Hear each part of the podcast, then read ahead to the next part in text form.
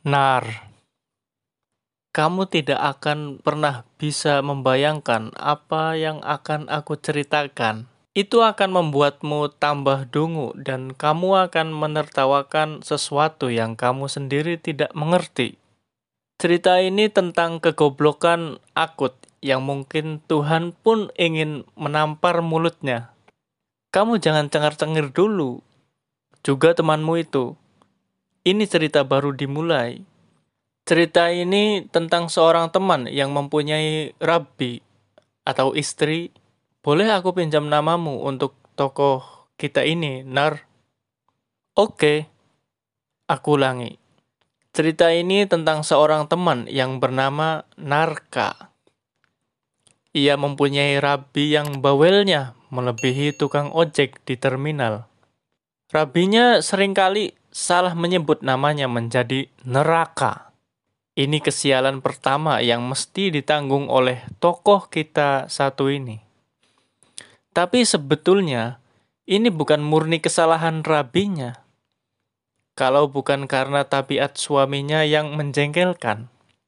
Pernah suatu kali teman kita ini, maksudku tokoh kita ini, bekerja sebagai buruh bangunan Kerja semacam ini sifatnya tak tentu.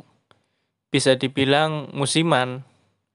Misalnya musim panen, musim TKW pulang dari luar negeri, atau musim perantau yang pulang kampung. Kamu sendiri pernah menjadi kuli bangunan kan, Nar? Ah, kalau pernah, Pasti kamu mengalami bagaimana trik untuk mengulur waktu supaya kerjaan jadi molor dan uang harian makin bertambah. Dari senyummu yang brengsek itu sudah pasti kamu pernah melakukannya, kan? Hasil upah menjadi buruh bangunan selama sebulan di rumah Rustini, janda muda yang baru pulang dari Taiwan Tokoh kita ini menghabiskan hampir seluruhnya dalam sehari saja. Alih-alih ingin mendapat tujuh kali lipat dari yang diharapkan, ia malah kena semprot rabinya. Ia tidak tahu di mana letak salahnya. Bahkan ia berpikir, sungguh-sungguh berpikir, kenapa niat baiknya ini tidak didukung? Lebih tepatnya direstui oleh rabinya.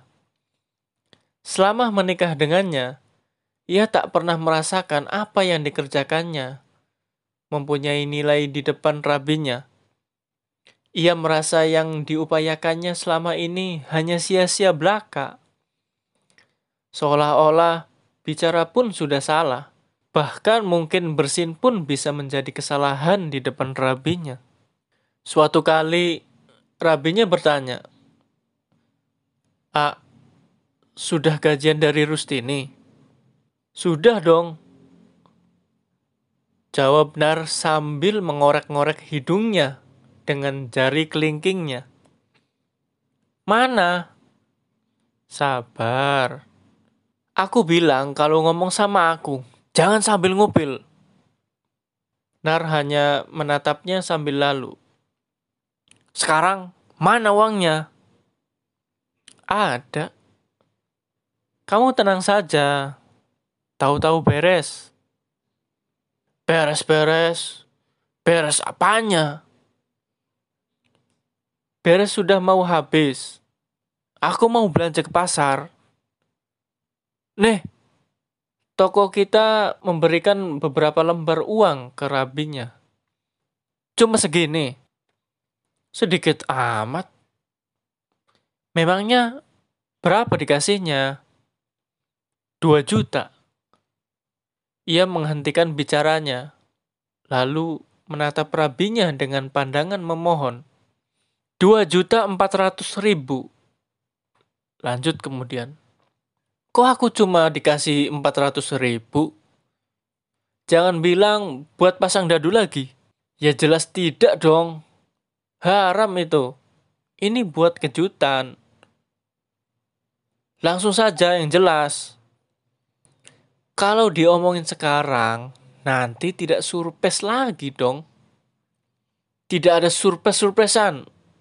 Bentak rabinya kesal. Dua ratus ribu aku pegang.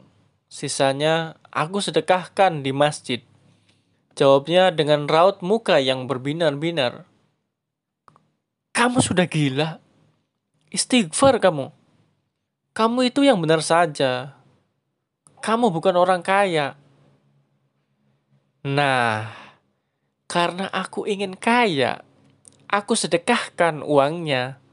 Nanti, kata Pak Ustadz, akan dilipat gandakan jadi tujuh.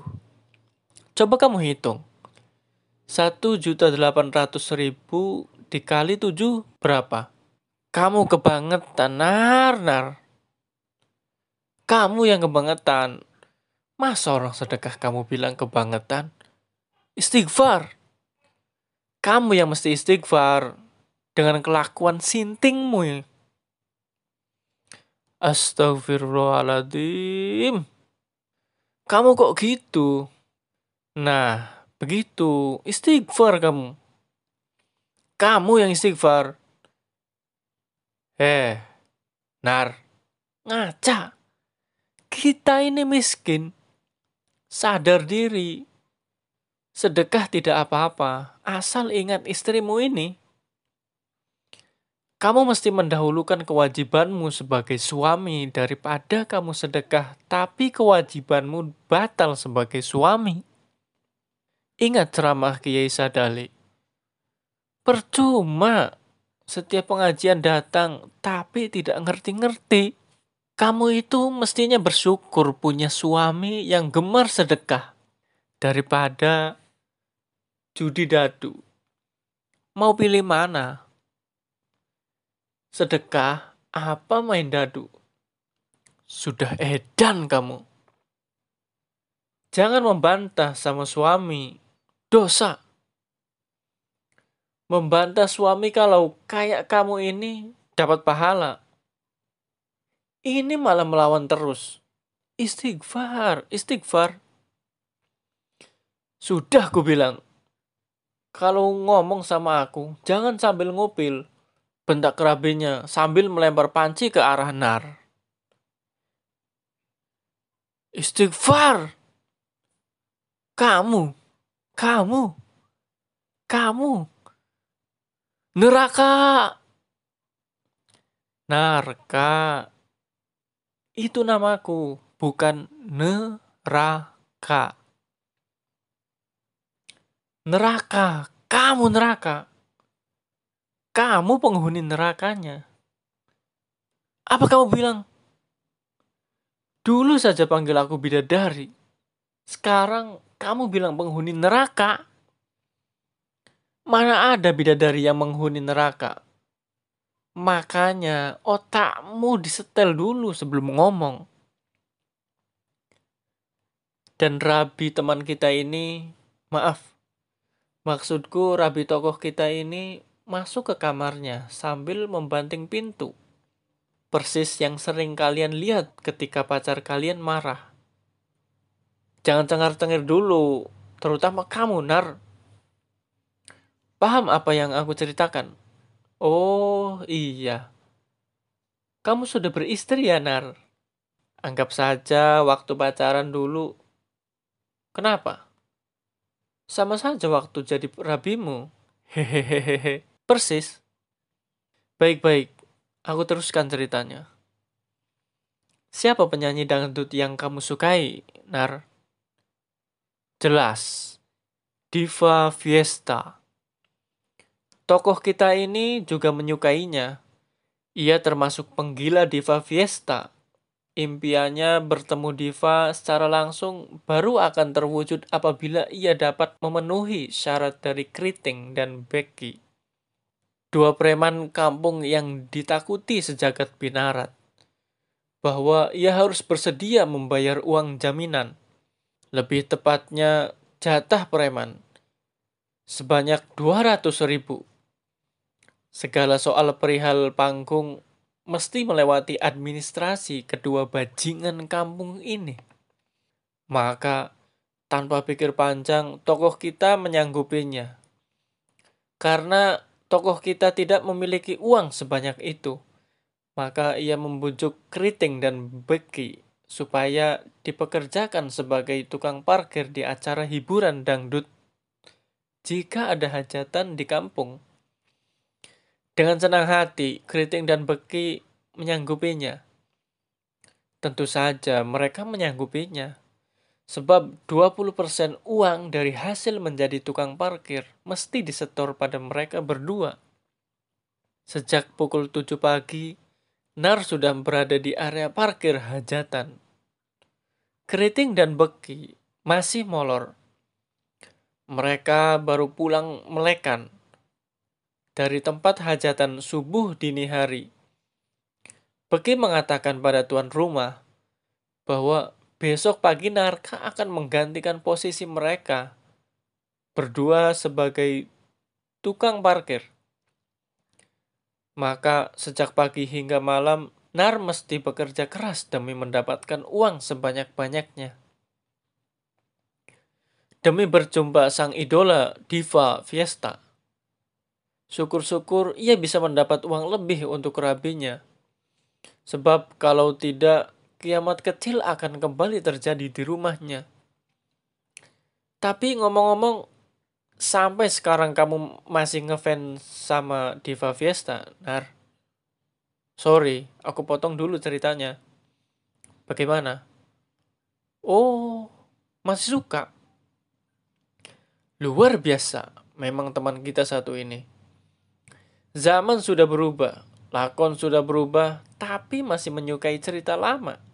Tapi baiklah, memang Cinta kadang dapat membuat seseorang bersikap tidak wajar, meskipun stok lama dan orangnya sudah tidak ada. Tetap saja masih menyukainya. Tapi di cerita ini, aku hanya meminjam namamu loh, Nar.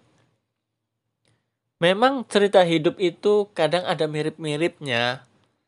Contohnya, ketika kita sedang mendengarkan cerita, kemudian senyum-senyum sendiri, Artinya, itu ada gejala kemiripan dengan kisah masa lalunya.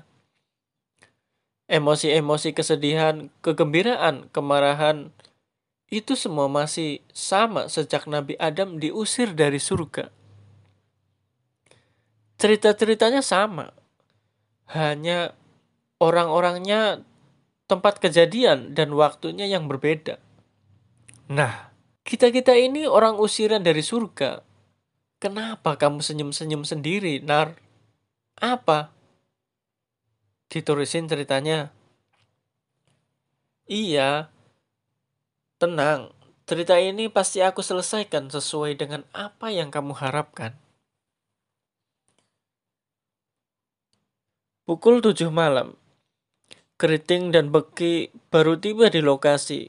Tempat pertama yang dituju sudah tentu parkiran lahan lengket untuk modal saweran.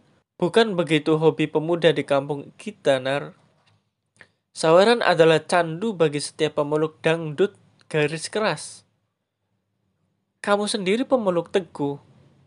Tentu aku juga. Bagaimana mungkin dangdut kelas kampung dilepaskan dari saweran? Tentu kita akan dicap murtad bagi penikmat dangdut kelas jelata. Dapat berapa, Nar? Tanya Beki, memakai celana cutbray kedodoran yang menutupi ceker dan sandal jepitnya. Satu juta. Nar berbohong. Totalnya ia mendapat satu juta tujuh ratus dua puluh tujuh ribu. Tentu aku tahu karena aku ikut menemani tokoh kita ini dari pukul 3 sore sampai pada waktu maghrib. Jadi, aku meminta uang tutup mulut padanya. Tidak banyak memang, hanya 200 ribu. Satu juta. Lumayan juga. Begini saja, Nar. Daripada repot-repot menghitung, mending buat kamu 300 ribu, kami 700 ribu. Setuju? Eh, eh, eh, eh. Sip, Terima kasih, Nar. Belum sempat menjawab, Keriting sudah memotongnya.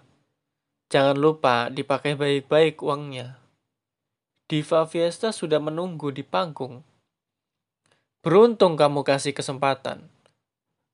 Lanjut greeting sambil melenggang ke arah keramaian yang kemudian diikuti Beki. Terus yang jaga parkiran siapa? Tanya Nar. Tinggal saja. Aman. Toko kita tersenyum lebar. Ia menerobos lalu lalang orang-orang bukan ke arah panggung, melainkan pulang ke rumahnya. Sesampai di rumah, ia mandi, berganti pakaian, dan tentu pakai minyak wangi yang baunya mirip sabun mandi. Ini semua demi Diva Fiesta. Bergoyang bersama Diva Fiesta adalah impian setiap pemuda untuk mencium aroma tubuhnya dan menatap aurat kecantikannya dari dekat. Maaf, maksudnya aura kecantikannya. Lanjutannya, Sabar, Nar. Poin pentingnya bukan pada tokoh kita yang bergoyang dengan diva fiesta. Tentu kamu sudah tahu dan bisa membayangkan bagaimana adegan teman kita ini. Maksudku, tokoh kita ini bergoyang dengan diva fiesta. Persis seperti kamu ini, Nar, cengar-cengir, mirip kambing di sawah. Sekarang kita lewati adegan panggung Diva Fiesta. Kita fokus pada tokoh fenomenal yang bahkan belum disebut dalam cerita-cerita masyhur di kampung ini. Selesai menuntaskan hasratnya bergoyang bersama Diva Fiesta, tokoh kita gentayangan di seputar keramaian. Sudah tujuh kali, ia berlalu lalang menerobos orang-orang sambil senyum-senyum sendiri. Alasannya, sudah kamu tebakkan, Nar? Betul sekali. Karena orang-orang memuji saweranmu di atas panggung. Meskipun sebenarnya mereka tidak bersungguh-sungguh untuk memujimu. Maaf, maksudnya memujinya. Sebetulnya yang dialami tokoh kita ini merupakan hal lumrah yang biasa terjadi pada penyawer lainnya. Tapi yang menjadi istimewa di sini mungkin bukan istimewa, tapi agak polos, campur blow on sedikit. Adalah orangnya, yakni tokoh kita ini. Selesai membanggakan dirinya, tokoh kita pulang dengan membawa keringat kemenangan. Sebetulnya tidak pulang, tapi mampir terlebih dulu di warung Yukasmia. Di warung ia kembali membanggakan dirinya dengan menceritakan bagaimana bokong Diva Fiesta tepat berada di mukanya. Ia menyukai bokong Diva yang wangi dan gempal. Menurutnya, itu bokong paripurna yang pernah ditemuinya. Namun yang paling berkesan adalah ketika Diva memujinya dengan sebutan lelaki tertampan secikedung dengan ciuman pamungkas yang mendarat di pipi tokoh kita ini. Kemudian dengan mata berbinar-binar, ia meyakini bahwa Diva Fiesta menyukainya. Orang-orang di warung membenar-benarkan apa yang dikatakan tokoh kita ini. Meskipun semua orang tahu bahwa orang-orang di warung hanya membesarkan hatinya, lebih tepatnya membohonginya. Untuk melengkapi keberuntunganmu, kamu mesti pasang nomor, Nar. Bujuk Kartam sambil kemudian menyeruput kopinya. Tokoh kita tersenyum. Ia sudah membayangkan kemenangan berada dalam genggaman tangannya. Ia merogoh saku dan melihat sisa uang miliknya. Kemudian tanpa basa-basi dengan keimanan yang teguh. Akhirnya, tokoh kita mengamini apa yang dikatakan Kartam. Semalaman ia menunggu kewajiban kembali datang padanya, seperti keajaiban ketika bergoyang bersama Diva Fiesta. Sambil menunggu keluarnya nomor togel, ia berjalan menuju masjid terdekat. Ia satu-satunya orang yang berjalan ke masjid malam itu. Semua orang di warung tahu, bahkan mungkin semut pun tahu bahwa di malam itu hanya ia satu-satunya orang yang berjalan menuju masjid. Setelah sampai, ia mengambil wudhu dan sholat tahajud. Kemudian berdoa, memohon supaya nomornya keluar dengan suara yang gemanya hampir memenuhi ruangan. Ia berdoa dengan sungguh-sungguh yang sebenarnya lebih mirip debt collector yang menagih utang. Ia terus-menerus berdoa sampai batas yang menurut tokoh kita nomor togel sudah diumumkan. Nah, sampai di situ kamu sudah tahu jawabannya kan, Nar? Kalau sudah cengar-cengir begitu, kamu pasti ikut senang dengan akhir cerita ini. Kemudian ia pulang ke rumah setelah azan subuh berkumandang. Di rumah rabinya sudah menunggu tepat di samping pintu masuk. Ia duduk di kursi dengan raut muka suwung, menunggu suaminya yang tak pernah dibayangkannya muncul dengan ketololan permanen dari ujung gelap. Wajah suaminya mulai terlihat ketika cahaya lampu rumah tetangganya menimpa tubuhnya yang kurus ceking. Bersamaan dengan itu, rabinya naik pitam. Ke mana saja kamu semalaman? Uang parkir mana? Awas kalau habis buat nyawer. Jawab yang jelas. Tanpa banyak bicara, tokoh kita memberikan segopok uang ratusan ribu campur puluhan ribu dengan rabinya. Wah, banyak sekali. Rapinya terdengkut. Mendadak lupa dengan dialog sebelumnya. Sudah kubilang, ini namanya surprise. Kejutan. Kalau kita sedekah banyak, pasti Allah akan melipat gandakannya. Jadi tujuh. Tegas tokoh kita dengan wajah congkak. Dapat dari mana uang ini? Dari tidak penting.